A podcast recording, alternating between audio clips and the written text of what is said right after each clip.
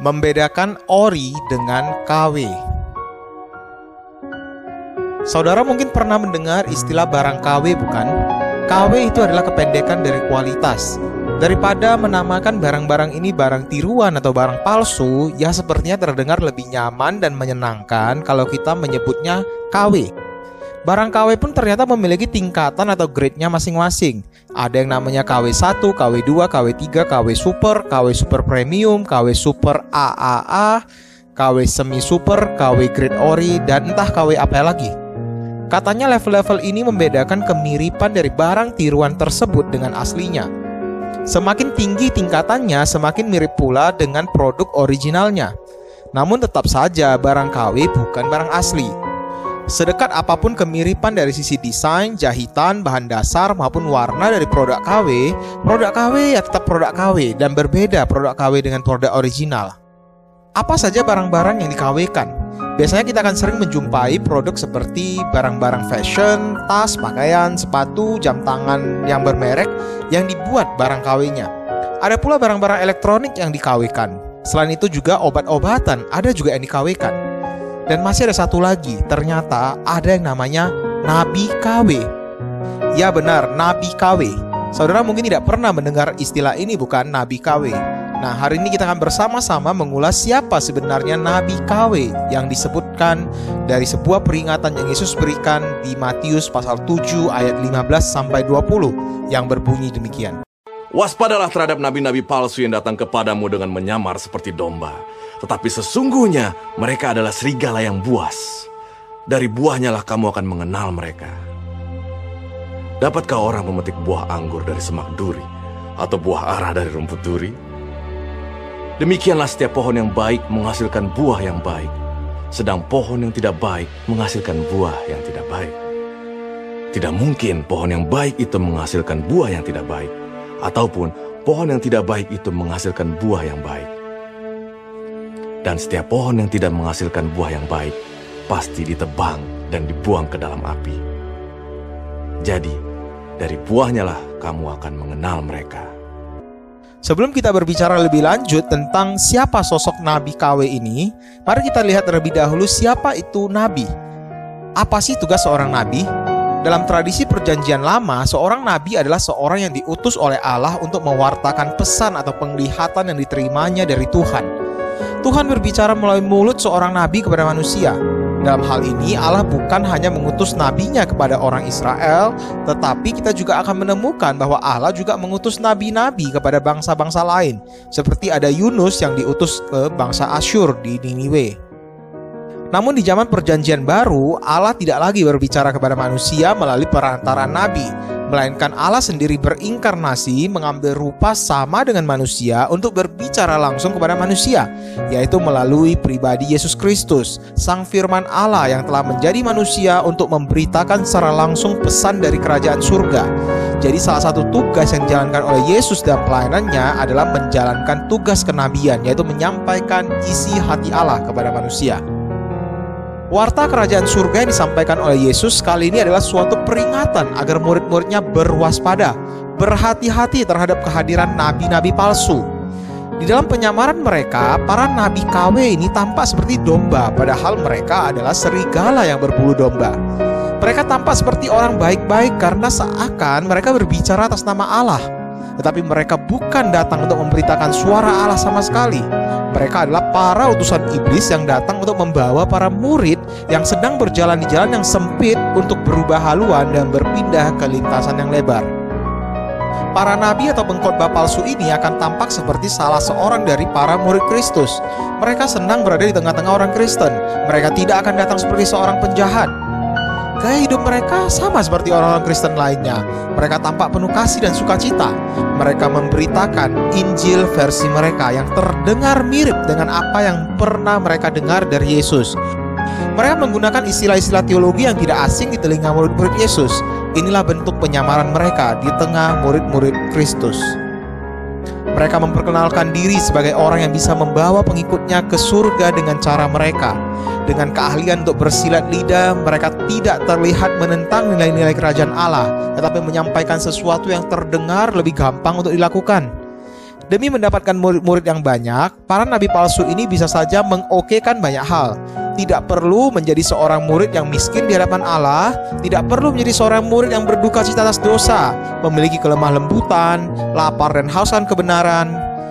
Para pengikut dari nabi-nabi palsu ini bisa tetap saja berada pada kehidupan yang lama, tetapi melakukan semua praktik ibadah seperti orang Kristen pastilah banyak orang akan merasa tertarik dengan mereka karena tidak ada berita penghukuman dosa yang mereka sampaikan dan tidak ada resiko memikul salib dan menyangkal diri sama sekali dengan menjadi pengikut nabi palsu. Sayangnya, seperti identitas mereka yang adalah palsu, berita yang mereka sampaikan juga adalah hoax, berita palsu. Mereka bukan mau membawa orang-orang ke kerajaan surga, tapi mereka sedang membawa orang-orang untuk mengalami penghukuman kekal bersama dengan mereka di api neraka. Yesus telah memperlengkapi para murid dengan pengajaran yang komplit tentang kerajaan surga.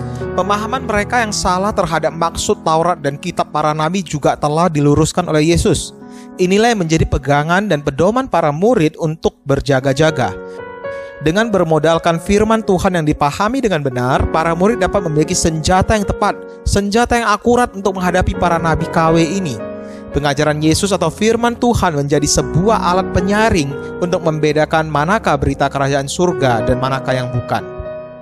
Yesus menggunakan buah anggur dan buah ara sebagai penggambaran untuk membedakan ajaran nabi palsu. Kedua jenis buah-buahan ini adalah hasil bumi dari tanah Palestina yang dapat dijumpai oleh orang-orang yang mendengarkan khotbah Yesus di mana-mana. Dalam ilmu pertanian, untuk mendapatkan hasil panen yang baik, seorang petani harus bisa membebaskan pohon anggur dan pohon ara yang mereka tanam dari semak ataupun rumput duri. Semak dan rumput duri adalah hama yang dapat mengganggu pertumbuhan tanaman mereka. Semak dan rumput duri ini tidak bisa menghasilkan buah sama sekali. Semak dan rumput duri ini hanya mengganggu pohon-pohon untuk tumbuh dan berbuah dengan baik. Di samping itu di Injil Yohanes pasal 15 tercatat bahwa Yesus mengatakan dirinya adalah pokok anggur yang benar dan Bapa di surga adalah pengusahanya, sedangkan para murid-murid Yesus adalah ranting-rantingnya. Untuk dapat berbuah dengan subur, ranting-ranting ini harus menempel pada pohon itu agar nutrisi yang dibutuhkan oleh ranting-ranting dapat dipenuhi dari pohon anggur. Tanpa menyatu dengan pohon, ranting-ranting ini tidak bisa menerima asupan air dan nutrisi yang dibutuhkannya. Yang ada, ranting-ranting tersebut malah akan menjadi layu dan mati. Prinsip yang sama dicatat oleh Matius di ayat 17 sampai 20 di bagian yang sudah kita bacakan tadi. Hanya dari pohon yang baik akan menghasilkan buah yang baik. Demikian para murid Yesus sebagai ranting-ranting.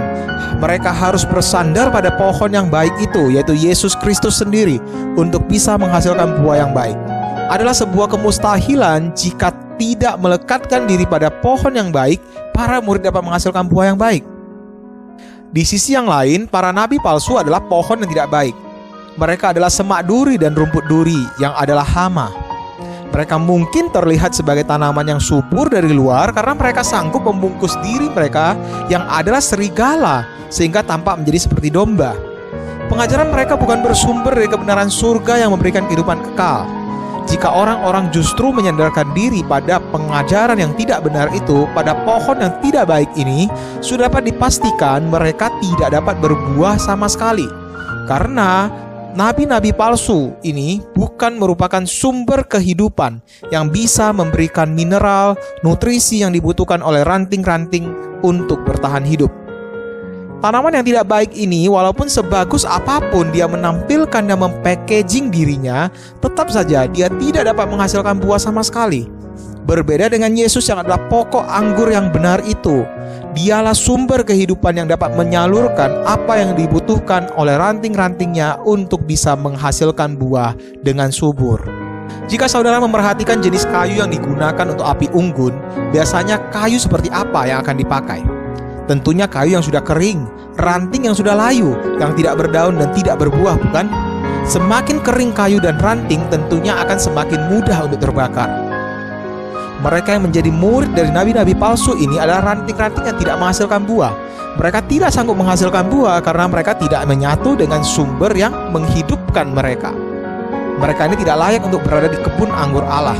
Oleh karena itu, sebagai pengusaha di kebun anggur, Bapa di surga pasti akan menebang mereka dan membakarnya. Saudara saya memang bukan pecinta barang branded. Sehingga jika di depan saya ada beberapa tas bermerek dengan desain, warna, dan ukuran yang sama Dan saya diminta untuk membedakan mana yang asli dan mana yang KW Belum tentu saya bisa membedakannya namun seorang teman yang adalah pecinta barang branded, dia dapat dengan mudah membedakan mana yang branded dan mana yang bukan.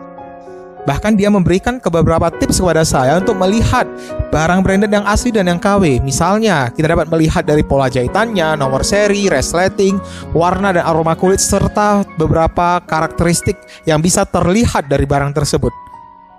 Demikian pula dengan mengenali Nabi KW. Yesus mengatakan bahwa dari buahnya kita dapat mengenali mereka. Jika seseorang yang hidup sesuai dengan nilai-nilai kerajaan Allah, hidupnya pasti akan menunjukkan buah roh. Sepintar apa pun seorang nabi palsu membungkus dirinya, kita akan dapat melihat identitas aslinya, identitas sesungguhnya dengan melihat kemampuan dia menghasilkan buah roh. Buah yang terlihat inilah adalah tanda yang paling mudah untuk mengenali kepada siapa seseorang menempatkan kehidupannya. Apakah kepada Yesus, sang pokok anggur yang benar itu, atau justru kepada nabi palsu?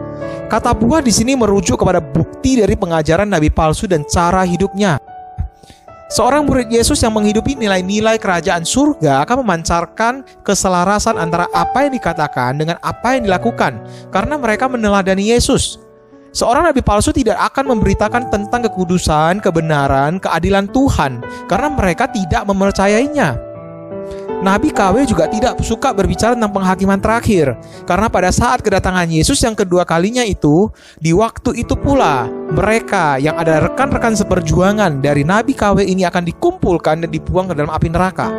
Mereka juga tidak mau berbicara tentang masalah kejatuhan manusia dalam dosa dan cara menanggulangi amarah Tuhan atas dosa ini. Mereka juga tidak terlihat suka memberitakan tentang berita pengampunan dosa yang dikerjakan oleh Yesus. Mereka menganggap berita ini bukanlah sebuah berita yang penting. Jika dari buah yang ditunjukkan ini mereka tidak mencerminkan apa yang disampaikan oleh Alkitab secara keseluruhan tentang Allah dan karyanya, maka sudah dapat dipastikan orang-orang ini adalah nabi palsu. Mereka ini bukan orang-orang yang diutus Allah untuk menyuarakan berita kerajaan surga. Oleh karena itu, kita harus berwaspada terhadap serigala yang berbulu domba ini. Isu tentang kehadiran nabi-nabi palsu sudah ada sejak zaman perjanjian lama. Bahkan di zaman gereja mula-mula hingga saat ini, berita ini masih terus ada. Para rasul Kristus juga dalam surat-surat kerasulan mereka, mereka menunjukkan perjuangan untuk menasihati jemaat yang sudah mereka dirikan dan layani untuk bisa berhati-hati terhadap berita-berita KW yang katanya tentang kerajaan Allah. Gereja pada abad-abad yang pertama juga melawan banyak sekali ajaran sesat yang meragukan keutuhanan Yesus, meragukan keabsahan Alkitab, meragukan ketritunggalan Allah dan sebagainya. Di sepanjang sejarah gereja hingga hari ini, gereja-gereja tidak pernah berhenti dihantam oleh ajaran-ajaran yang berusaha untuk menyesatkan jemaat. Perjuangan kita melawan doktrin-doktrin palsu ini belum berakhir. Bahkan menjelang hari-hari akhir, para nabi palsu akan bekerja lebih keras lagi untuk menyesatkan anak-anak Tuhan. Oleh karena itu, kita harus terus berperang, harus terus berjuang untuk melawan berita hoax dari nabi-nabi palsu ini dan terus melawan utusan iblis yang secara gencar menyesatkan kita para murid-murid Kristus. Tragedi Johnstown di Guyana, Amerika Selatan yang terjadi pada 18 November 1978 menewaskan 900 orang adalah bukti bahwa nabi palsu telah berhasil meracuni pengikutnya baik secara fisik maupun dalam pikiran untuk bisa mengakhiri hidup secara bersama-sama. Mereka ini adalah pengikut dari seorang pendeta yang bernama James Jones yang berasal dari Amerika Serikat di mana pada tahun 1950-an ia mendirikan sebuah gereja bernama People Temple. Khotbahnya sungguh mempesona dan berhasil memenangkan hati banyak orang karena dia mengecam rasisme terhadap warga kulit hitam di Amerika. Dengan cepat, jemaat gerejanya bertambah banyak namun pelan-pelan, sosok sentral yang seharusnya ditinggikan oleh jemaat yaitu Yesus Kristus mulai tergantikan oleh sosok Jim Jones. Pada tahun 1970-an, gereja Jones dituduh melakukan penipuan keuangan dan penganiayaan fisik terhadap anak-anak. Oleh karena itu, Jones mengajak para pengikutnya untuk pindah ke Johnstown di Amerika Selatan yang katanya adalah surga. Tapi para pengikutnya ketika mereka tiba di sana, apa yang dijanjikan tidak seperti kenyataan. Para pengikut Jones ini tinggal di pemukiman yang sempit dan mereka dipaksa untuk bekerja dalam memenuhi kebutuhan hidup mereka. Pada akhirnya, Jones mengajak pengikutnya untuk melakukan gerakan revolusioner dengan meminum racun. Jones dalam pesan terakhirnya mengatakan bahwa apa yang mereka lakukan ini bukan bunuh diri, tetapi aksi protes terhadap dunia yang tidak berperi kemanusiaan. Di manakah kasih Kristus dalam tindakan Jones? Yesus Kristus tidak pernah mengajarkan murid-muridnya untuk bunuh diri.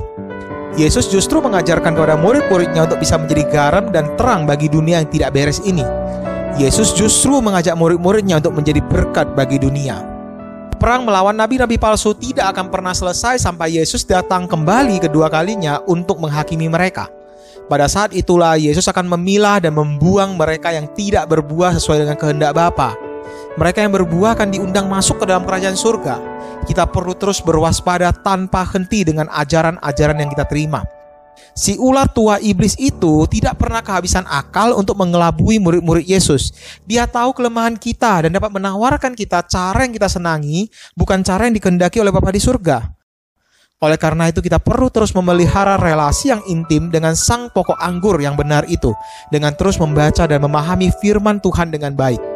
Firman Tuhan menjadi senjata kita untuk menyaring pengajaran-pengajaran yang kita terima, kita juga perlu berdoa untuk memohon hikmat dari Tuhan agar kita tidak jatuh ke dalam buayan si iblis yang menyamar dalam berbagai bentuk nabi palsu yang berbicara kepada kita.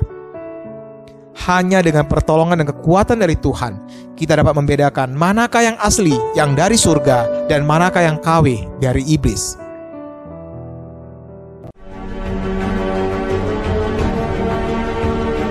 Barang KW memang sengaja dibuat mirip dengan produk aslinya, namun KW tetap bukan original karena mereka adalah tiruan. Nabi palsu memang terdengar seperti menyuarakan berita dari kerajaan surga. Namun berita yang mereka bawa adalah palsu bukan kebenaran. Berwaspadalah terhadap nabi-nabi palsu yang selalu akan merongrong kita. Seolah-olah kita diajak kepada kehidupan tetapi berujung kepada kebinasaan. Kenalilah buah yang dihasilkan oleh mereka. Hanya dengan bersandar pada Yesus, kita dapat beroleh hidup di dalam kekekalan.